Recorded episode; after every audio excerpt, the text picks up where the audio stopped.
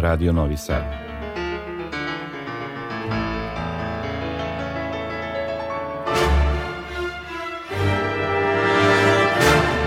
Domaća muzička scena.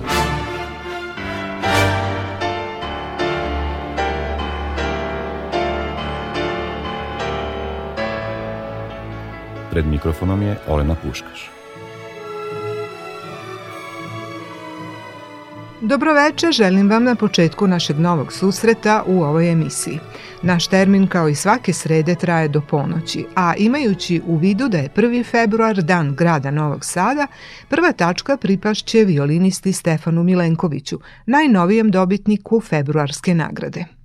U obrazloženju se ističe njegova blistava umetnička karijera, ambasadorska uloga srpskog umetnika u svetu još od detinstva, ali i njegov povratak u Srbiju, odnosno odabir Novog Sada za stalno boravište, kao i angažmani na Akademiji umetnosti u Novom Sadu i Gradskoj koncertnoj dvorani. Nema sumnje da je on mnogo doprineo afirmaciji umetničke muzike kod nas, a njegovi nastupi u raznim formacijama, posebno sa Vojvođanskim simfonijskim orkestrom i kameratom Novi Sad, veliki su podsticaj za mlade muzičke umetnike koji kao članovi tih ansambala imaju priliku da sarađuju s njim.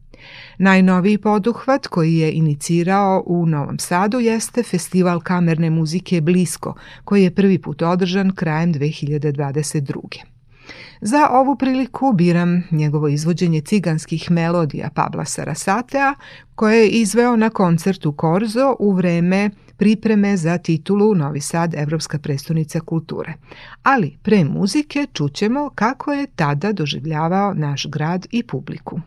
U Novom Sadu su se uvek održavali divni događaji, divni koncerti, ima jedna fenomenalna tradicija um, muzička, um, ali i likovna um, i literarna, tako da uh, možda u suštini uh, predstavnica kulture će biti na neki način samo jedna formalnost, samo jedna potvrda onoga što je Novi Sad u stvari uvek bio. Ili imate neki utisak o novosadskoj publici? Pa kako da ne, mislim, to je jedno od najfinijih publika na svetu. E sad, pod no, oni kažu da je dosta zatvorena, da, da se teško otvara, ali ne bi se reklo na vašim koncertima. Pa eto, ja nisam primetio. Me, kad kažem finih publika, mislim na jednu prefinjenost, na jednu tradiciju, na znanje i na temperament i nikad, eto, to je prvi put da čujem sada da novosadska publika može da važi kao na malo zatvoreniju publiku, jer nikad to nisam primetio. I e sad, ne znam da li zavisi od samog koncerta, od, od repertoara, od samog utiska nekog umetnika koji možda tako to percepira, ali e, ovde ima jedan fenomenalan, otvoren duh i veliko srce, sigurno.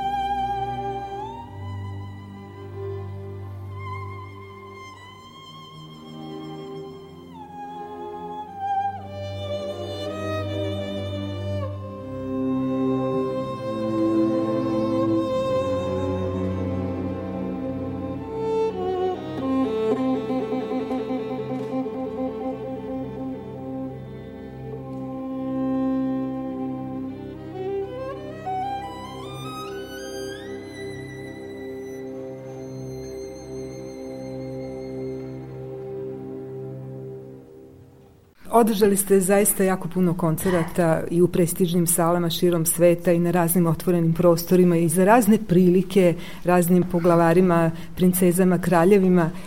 Šta od svega toga smatrate nekim svojim najekstremnijim pokušajem ili najzanimljivijim? Pa znate šta, mislim da je najekstremniji pokušaj upravo to da se i dalje bavim e, muzikom i da i dalje sviram i da i dalje volim ono što radim. E, jer mnogo se toga menja, vremena se menjaju, čovek se menja, iskustva, telo, znate, ima tu mnogo, mnogo, mnogo varijabila i smatram se ekstremno privilegovan da i dan danas sviram violinu, da uživam u tome i da ljudi dolaze na moje koncerte, to je sve, ja mislim, jedan uspeh, a isto tako i nešto što me nagoni da idem i dalje i što i podrazumeva jednu možda odgovornost, ali u ovom svetu gde je veoma lako poverovati da, da ima mnogo, mnogo ružnih e, stvari, negativnih možda stvari, e, bavim se nečim, i uopšte muzičari, mi svi, se bavimo nečim što je veoma lepo i e, veoma pozitivno. I smatram da je to jedna misija.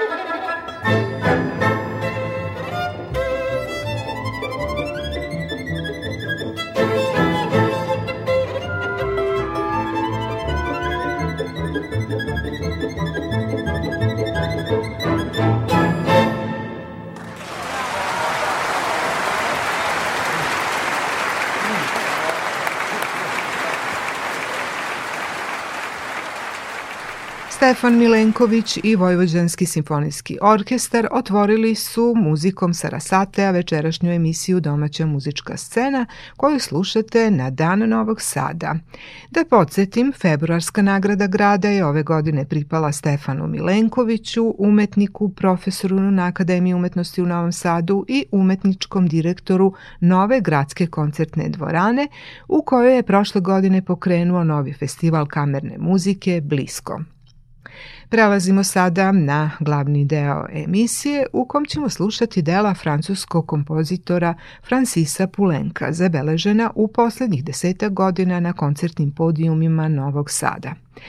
Povod za ovakav odabir jeste 60. godišnjica od njegove smrti koja se navršila 30. januara. U prvoj polovini 20. veka, kada su širom Evrope dominirali trendovi smelog, pa i do absurda dovedenog eksperimentisanja i razbijanja pređašnjih okvira tonaliteta i harmonije, Muziku Francisa Pulenka su smatrali trivialnom mešavinom klasične i popularne muzike.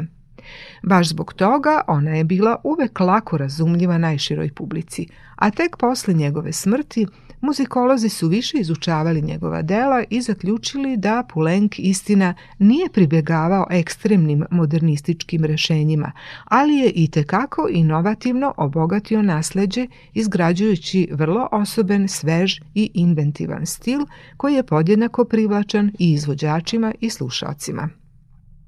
Njegova najveća dela su opere, baleti, duhovna dela Stabat Mater i Gloria, koncerti za klavir i dva klavira i orgulje i orkestar, tu je i pregršt solo pesama, a najbrojnija su ipak njegova kamerna dela, među kojima je i sonata za flautu i klavir, koju u sledećim minutima izvode Laura Levaj Aksin i Iris Kobal.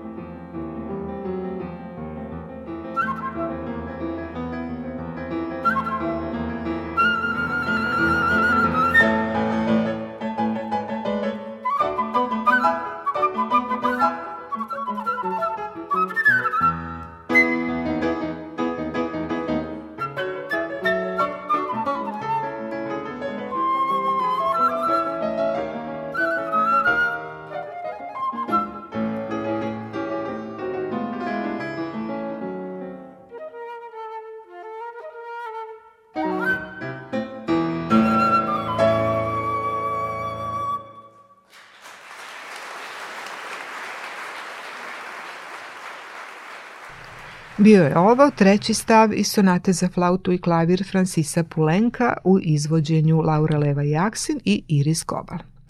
Ovaj francuski kompozitor rođen je u Parizu 1899. a umro je pre tačno 60 godina 30. januara 1963. Povodom toga Podsjetit ću vas na jedno koncertno predavanje koje smo zabeležili pre 10 godina na 50. godišnjicu Pulenkove smrti u svečanoj sali Gradske kuće u Novom Sadu, kada je Francuski institut iz Beograda u saradnji s muzičkom omladinom Novog Sada priredio veče posvećeno njemu. Tada smo imali redku priliku da uživo čujemo nekoliko kamernih dela Pulenka i njegovih istomišljenika, savremenika i ne samo to. Imali smo priliku da saznamo više o Pulenku kao ličnosti od muzikološkinje iz Beograda Dušanke Jelenković-Vidović. Pa evo da čujemo šta je ona rekla o njegovom značaju u istoriji muzike, kao i o tome zašto je ovo koncertno predavanje imalo naslov Francis Poulenc i mangup i monah. Njegova pozicija u današnjoj muzikologiji i u izvođaštvu je unekoliko specifična, iako se njegov značaj priznaje, on je na neki način po strani interesovanja kako profesionalnih muzičara izvođača, tako i muzikologa. Donekle je možda razlog za to što se čini da je on previše jednostavan, da njegova muzika previše jednostavna, ne nudi mnogo izazova, ali zapravo ne samo da to nije tačno, već je ako je neki kompozitor pravi predstavnik e, francuske muzike prve polovine 20. veka sa svim tendencijama, suprotnostima, preokupacijama koje je društvo tog doba nosilo, onda je to upravo opus Francisa Poulenc a široj publici on e, može da bude zanimljiv jednostavno zato što je otvoren, šarmantan, svež, prijemčiv, ali ne i banalan. Bio je značajan svedok i komentator epohe u kojoj je živeo, izuzetno društven i ekstrovertan, komunikativan, e, govorljiv, duhovit, centar društva i e, društvene pažnje sa izvesnom averzijom prema telefonima, a velikom afinitetom prema dopisivanju i za njega je ostala obimna korespondencija koja nam danas može približiti, može nam ne samo pomoći da bolje uronimo i razumemo njegova dela, već nam može približiti Francisa Pulanka kao e, čoveka što se redko kada dešava da imamo takvu sreću da nekoga dobro poznamo. E, da se vratimo na naziv e, ovog mini ciklusa koncerata Francis Poulenc i Monah i Mangup. Takvu kovanicu, odnosno opis e, njegove ličnosti skovao je njegov prijatelj i muzički kritičar Claude Rostan u jednom članku gde je rekao da je Poulenc bio ljubitelj života, nestašluka, dobro dete, nežan i neposlušan, melaholičan i ozbiljno mističan, napola monah, a napola mangup.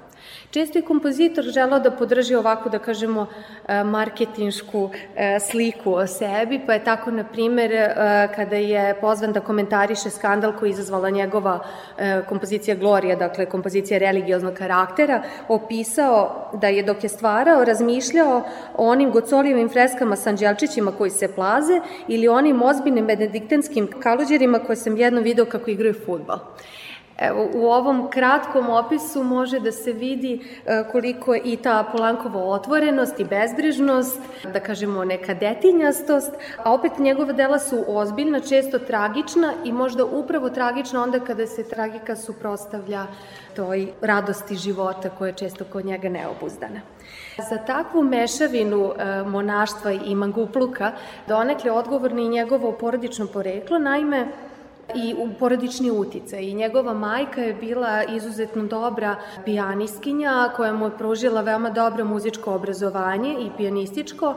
Ona je bila ljubitelj e, Mozarta, Schuberta, Chopina, e, ali i Kuprena, Ramoa, dakle e, francuske klasičarske tradicije i mnogo je uticala generalno na njega i njegova shvatanja. Njegov otac je bio uspešan poslovni čovek, pravnik, osnivač velike porodične firme koji dugo nakon Polankove smrti nastavila da ostvaruje veliki profit, gotovo do dana današnjeg i e, svojim uspešnim poslovanjem je omogućila Francisu da živi jednim lagodnim, bezbridnim životom bez e, materijalnih briga i opterećenja. Priznaćete, nije ovaj, zanemarljiv e, faktor za umetničko stvaranje. Njegov otac je bio duboko religiozan čovek i ta religiozna verska crta će se u Polanku ispoljiti tek e, tokom njegovih 30. godina kada je posle jedne, da kažemo, lične tragedije, odnosno smrti prijatelja, doživao gotovo versko prosvetljenje na putu hodočašću za Rokamadur, gde je bio u hodočašću njihovoj Crnoj devici. Od tada je katolička vera bila veoma važna za njegov život. Napisao je veliki broj religioznih dela, opet na sebi svojstven način ali mu je i donela i mnogo e, ličnih, intimno ličnih problema. Naime, kosila se sa e, njegovom e, homoseksualnošću i izazvala je brojne unutrašnje sukobe koje tek kasnije u toku života na različite načine prevazišao ili možda i nije i možda jeste odgovor na e, takav kontrast e, u afinitetima za suprotnosti koje proizilaze iz njegovih e, dela.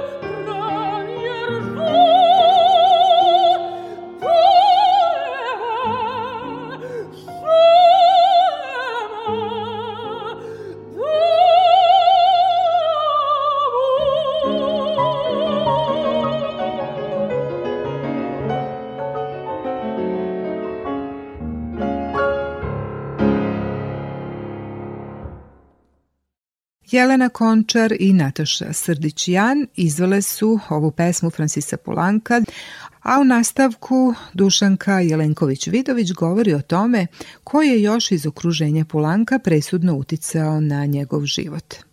Treća važna figura porodična jeste ujak dakle majčin brat za koga bio veoma vezan, koji je jedan bio pravi bon vivant, hedonista, ljubitelj žena, vina i dobrog provoda i uzor Pulanku u životu kakav je želeo za sebe i prilično se potrudio da to za sebe i ostvari.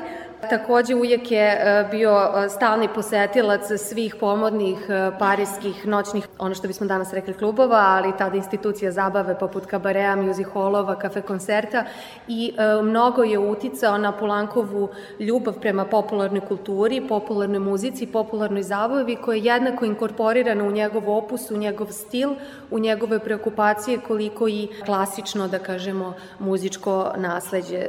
Kompozitori kabareja poput recimo uh, Vicenta Scotoa i Kristinea su za njega bili jednako važni kao recimo Kupren ili, uh, ili Stravinski ili Sati ili Šabrije. Još jedna uh, važan uticaj na Pulanka uh, koji će obeležiti njegovo stvaralaštvo jeste prijateljevanje sa kolegama iz uh, takozvane francuske muzičke šestorke koji su opet onim što bismo danas rekli marketinškim povodom proglašeni za nosioce, vesnike nove prave francuske muzike 20. godina 20. veka u vreme kada je Francuska nakon Prvog svetskog rata želala da se distancira od svoje impresionističke prošlosti, od uh, nemačke tradicije, jer su upravo završili još jedan od brojnih ratova sa Nemačkom i da, da se ponovo uzdigne ono što su smatrali pravim francuskim vrednostima, to je jasnoća, elegancija, otklon ka klasičnoj tradiciji, galantnom stilu. I činilo se da su kompozitori francuske šestorke upravo ti nosioci novih aktuelnih tendencija francuske muzike. Šestorka zapravo nikada nije imala ko, zajednički kompozicioni program, oni su pre svega bili dobri prijatelji, u mnogome zadržali ta prijateljstva do kraja života, povezivala su ih donekle ista interesovanja, ali možemo reći da je samo Poulenc do kraja života održao i razvijao osnove koje su, e, koje su članovi šestorke prepoznali kao svoje muzičke kompozicione afinitete i svoju poetiku. Takođe, pored tog e, drugovanja sa šestorkom, odsustvo formalnog muzičkog obrazovanja koje je mogo sebi da priušti zbog, e, kažem, te porodične materijalne obezbeđenosti načina života. Dakle, on nikada nije išao u muzičku školu, nikada nije išao, nije pohađao konzervatorijum. To mu je done, donelo apsolutnu slobodu da stvara onako kako je želeo, bez ikakvog e, kanona, bez ikakvog opravdavanja na koga se kako poziva, bez ikakvih tehničkih vežbi i on je vrlo rano formirao svoj kompozicioni stil koji je samo kasnije u toku života nadograđivao zrelo zrelošću, novim uticajima, ali baza ostaje ista. Ti elementi stila koji, kažem, odražavaju nešto što se do dana danas prepoznaje kao francusko, dakle, elegancija, humor, e, pravilnost, e, svedenost, e, odsustvo burnih bar na prvi pogled burnih emocija, to su sve konstante Pulankove poetike.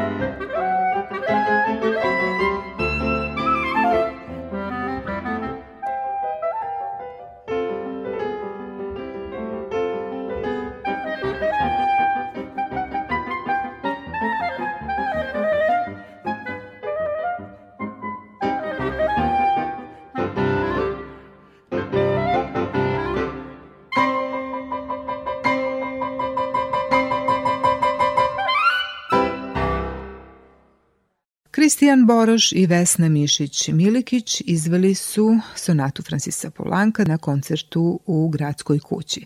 Te večeri smo, osim muzike ovog kompozitora, mogli da čujemo i dela svih ostalih članova takozvane francuske šestorke, koja je kao grupa predstavljala reakciju na impresionistički trend koji je tada bio u velikom procvatu. Darius Mio, George Auric, Arthur Honegger, Germaine Taillefer i Louis Rey bili su članovi te šestorke i bili su dosta različiti u svom muzičkom jeziku, ali im je zajednička crta bila da muziku pojednostave i učine prirodnom, prijatnom i punom života.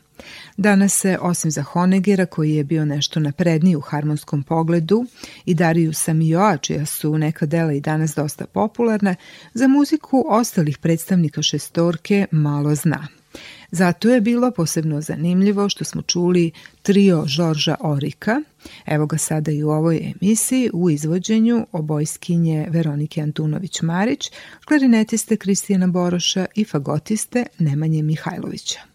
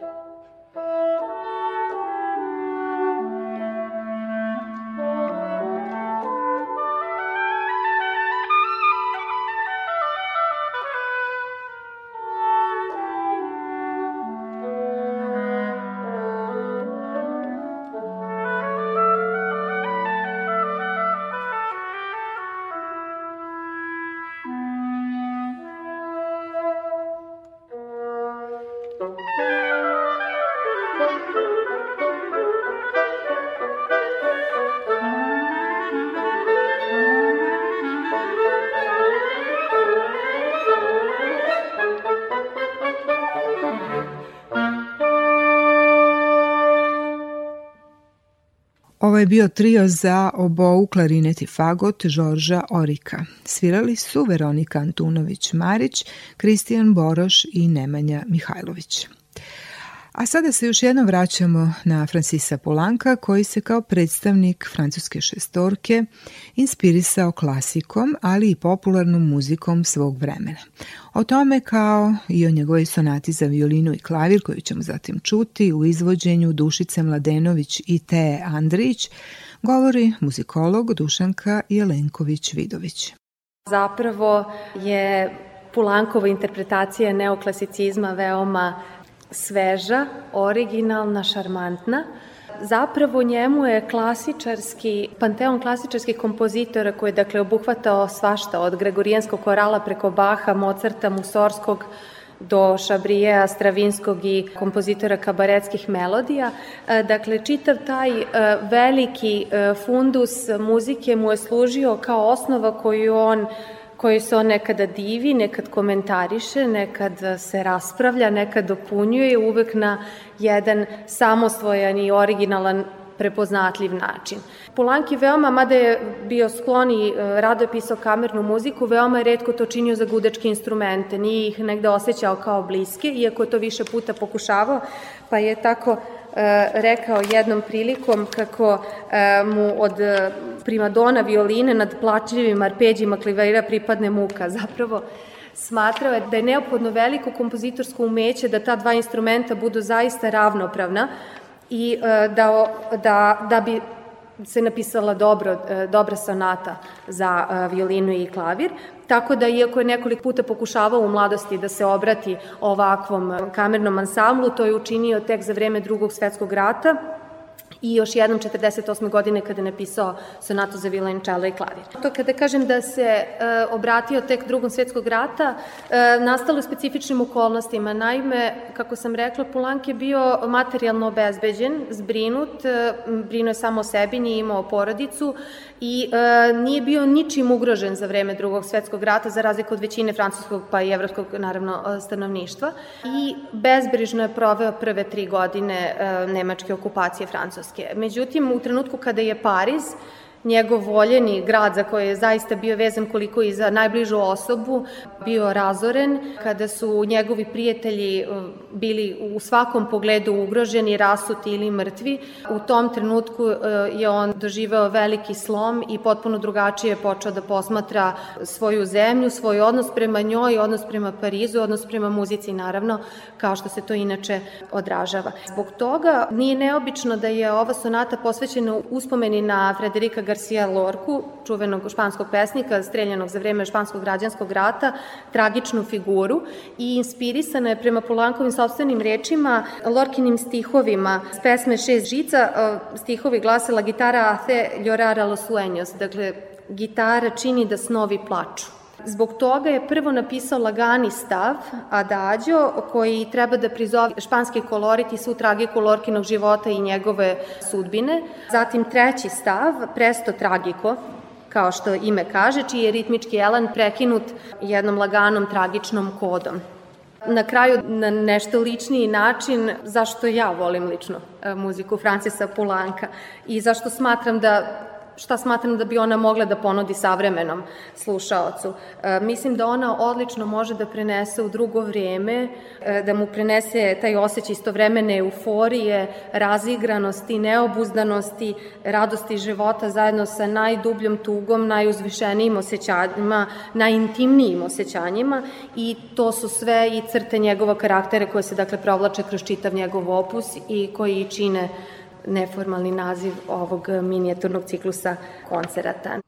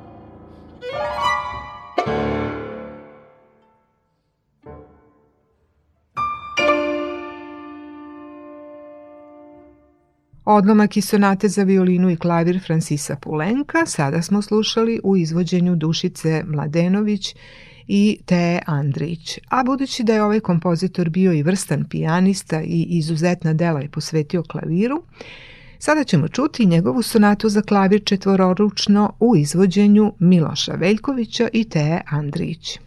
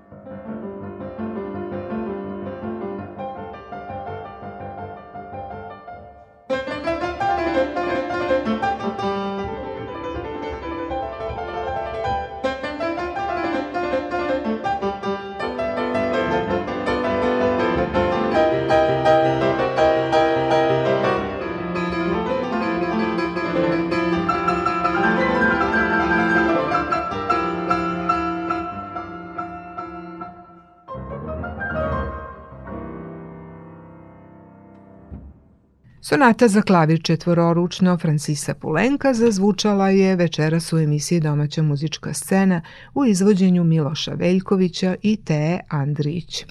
A povodom 60. godišnjice od smrti ovog kompozitora koji pripada grupi francuske šestorke, odabrala sam da poslušamo još jedno njegovo delo koje je nedavno izvedeno u Novom Sadu. Radi se o sekstetu za klavir i duvački kvintet opus 100, kroz koji ćemo videti s kojim majstorstvom i rafinmanom Poulenc postiže jedinstveno psihološko dejstvo prepličući deonice šest različitih instrumenta i umešno koristeći njihove boje, dinamičke nijanse i specifične izražajne mogućnosti. Kroz tri stava i njihove kontrastne delove on smenjuje brze, skercozne, vrcavo duhovite i laganije lirske epizode razvijenih melodijskih linija ukrštajući na sebi svojstven način tematske, kontrapunktske, harmonske i ritmičke elemente.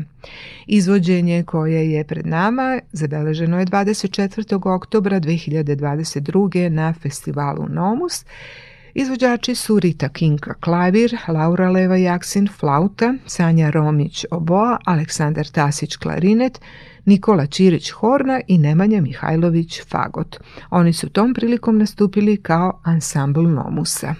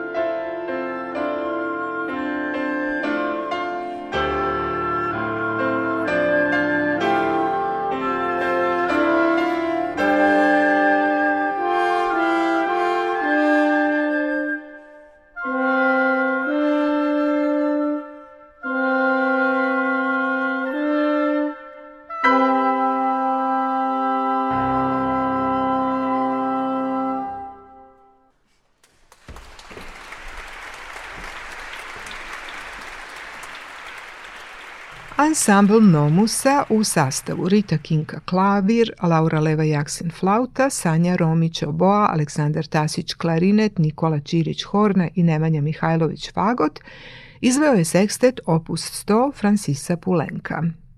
A mi sada otvaramo još jedan, poslednji blok večerašnjeg izdanja emisije Domaća muzička scena koja do ponoći traje na talasima Radio Novog Sada. U njemu ćemo slušati zvuk četiri saksofona, tačnije kvarteta Borealis iz Manchestera, koji je svojevremeno gostovao u Novom Sadu i izazvao veliko interesovanje naše publike.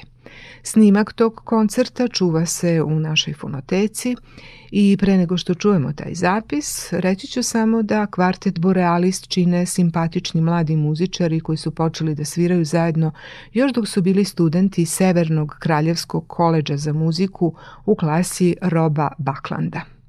Oni su našu publiku upoznali sa ovde malo poznatim, pretežno novijim originalnim repertoarom za ovaj sastav, koji je nastao u Sjedinjenim američkim državama, Engleskoj, Francuskoj, pa čak i na Islandu. Iz tog programa prvo biram kompoziciju pod naslovom Nežna neba, savremenog britanskog autora Toma Harolda.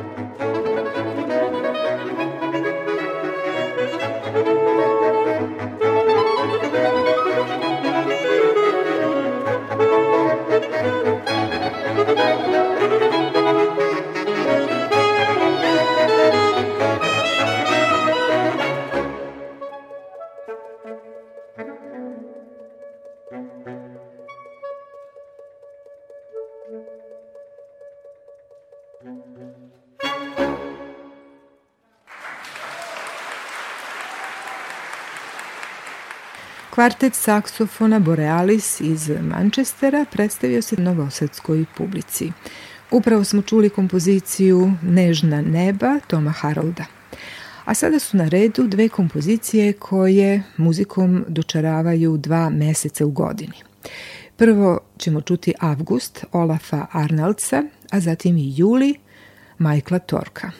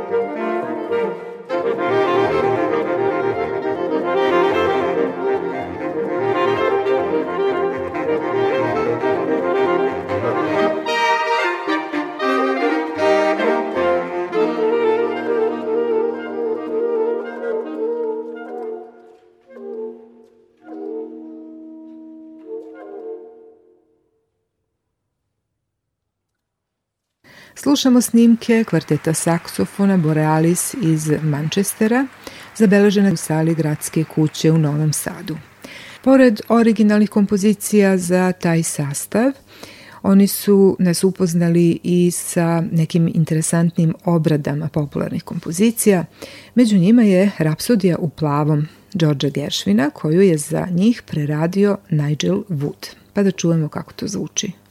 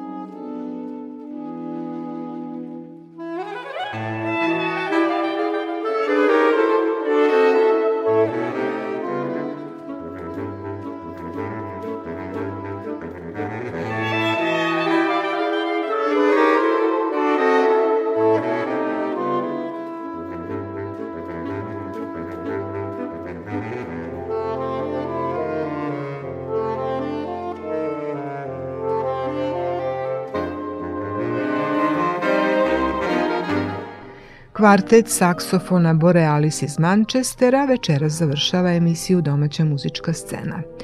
Nadam se da vam je bilo prijatno u našem društvu. Ostaje mi samo da kažem da je ton majstor bila Sabina Nedić.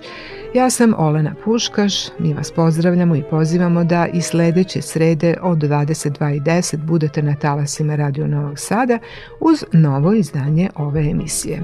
Želimo vam svako dobro.